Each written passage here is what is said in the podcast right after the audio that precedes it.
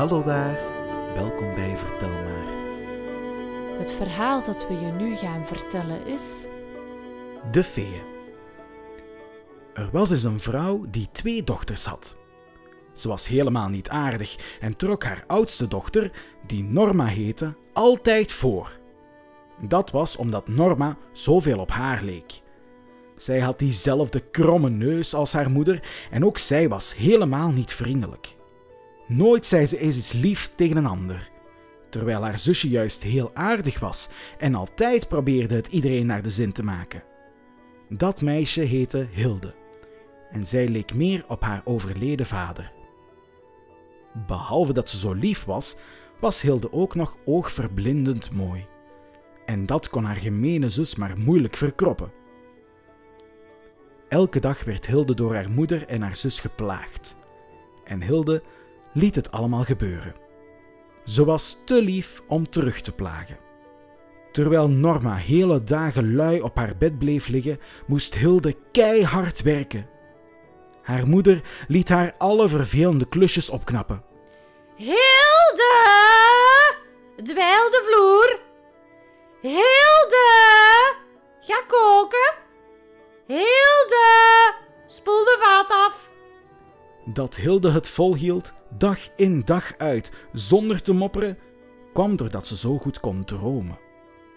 Terwijl haar handen automatisch boenden en schrobden, was Hilde in gedachten heel ergens anders.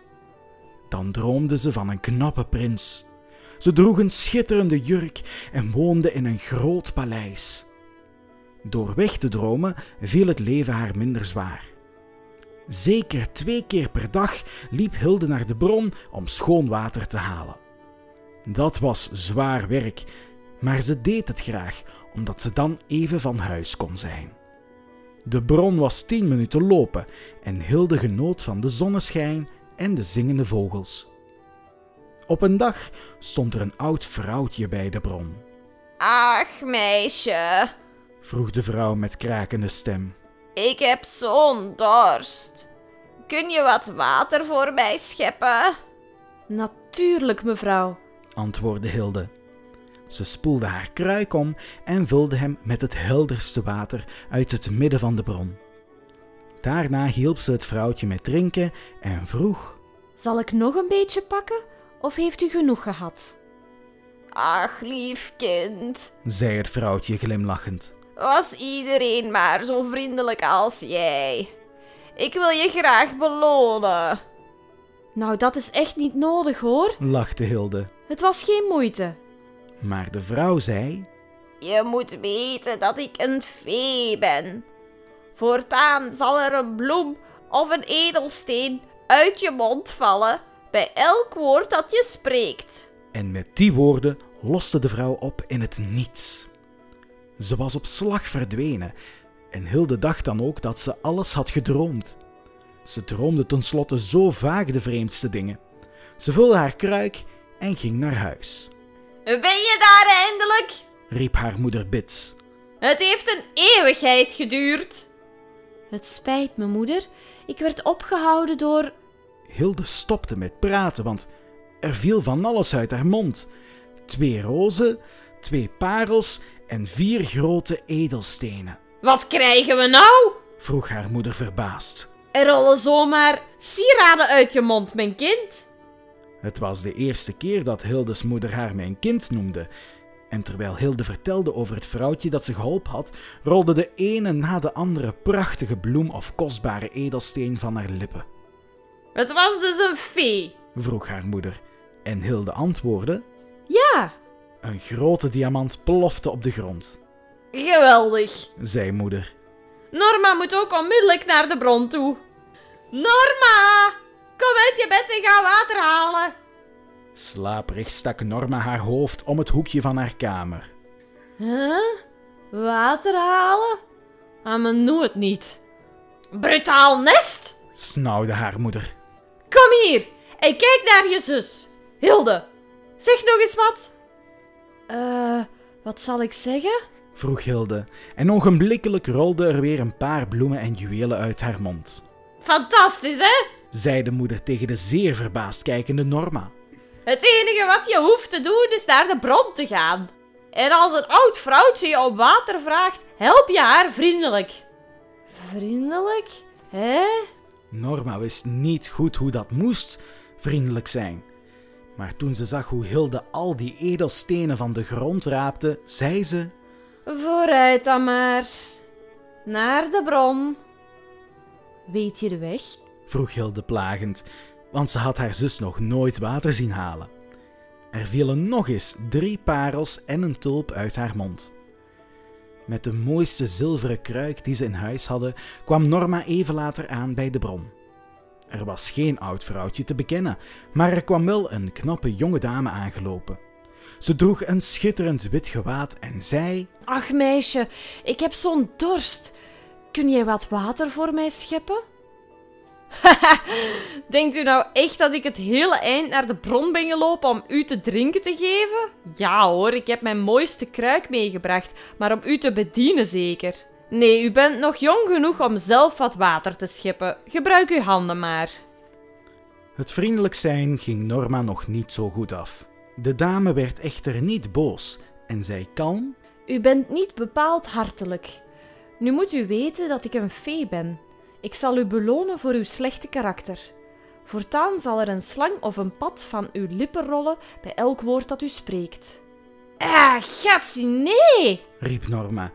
En hopla, een dikke pad sprong uit haar mond, gevolgd door twee slangen die omlaag kronkelden.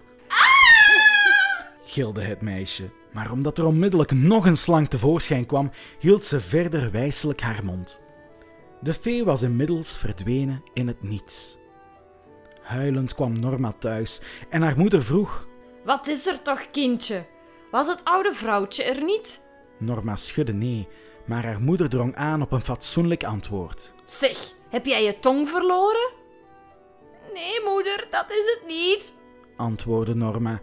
En het volgende moment vielen er drie padden en evenveel slangen op de grond. De padden hopten door de kamer en de slangen kronkelden onder de meubels. Haar moeder was laaiend en riep: Dat is allemaal de schuld van je zus! Hilde! De jongste dochter kwam gauw de kamer in. Wat had haar moeder nu weer te mekkeren? Toen zag ze de padden en de slangen. Kijk eens wat je zus is overkomen bij de bron! siste haar moeder ziedend. Jij met je verhalen over feeën, dat zet ik je betaald! Buiten zinnen stoof ze op het arme meisje af om haar een pak slaag te geven. Doodsbang vluchtte Hilde het huis uit en rende het bos in. Daar ging ze treurig onder een boom zitten. Ze wist niet wat ze nu moest doen en durfde ook niet terug te gaan. Trouwens, ze wilde helemaal niet meer naar huis. Plotseling klonk er hoefgetrappel. Over het bospad reed een knappe prins die terugkwam van de jacht. Hij hield halt toen hij het huilende meisje zag. Wat doet zo'n mooi meisje als u hier nou? Zo'n moederziel alleen. Ach, edele heer, snikte Hilde. mijn moeder heeft mij het huis uitgejaagd. Hetzelfde moment vielen er rozen en diamanten uit haar mond, tot grote verbazing van de prins. Hij stapte van zijn paard en vroeg haar hoe dat kwam. En terwijl de edelstenen bleven stromen, vertelde Hilde hem het hele verhaal. De prins nam haar mee naar zijn paleis. Hij was onder de indruk van dit mooie meisje met haar bijzondere gaven. De dagen daarna kwam hij erachter dat ze ook nog buitengewoon vriendelijk en lief was. Hij werd smoorverliefd op Hilde en zij op hem. Al haar dromen werden werkelijkheid toen de prins haar ten huwelijk vroeg. Tijdens de plechtigheid vroeg de pastoor: Neemt gij, Hilde, deze prins tot uw wettige echtgenoot? Hilde keek haar prins aan en zei zo overtuigend Ja! dat de grootste diamant die iemand ooit had gezien tussen hen in op de grond kletterde. Net niet op mijn teen, lachte de prins en hij kuste zijn bruid. En ze leefden nog lang en gelukkig. Ben jij ook zo dol op de verhalen van Vertel Maar? Surf dan zeker naar onze website www.vertelmaar.be. Je kan ons ook volgen op Facebook en YouTube.